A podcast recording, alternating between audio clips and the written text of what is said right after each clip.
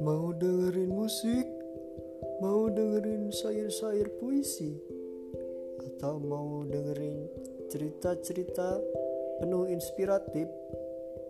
Semua ada di sini. Tapi penonton diharapkan bijak dalam mendengarkan. Karena jika ingin mendengarkan podcast-podcast yang ada di sini dapat menyebabkan gejala telinga rusak atau mungkin paling parah HP Anda bisa Anda banting.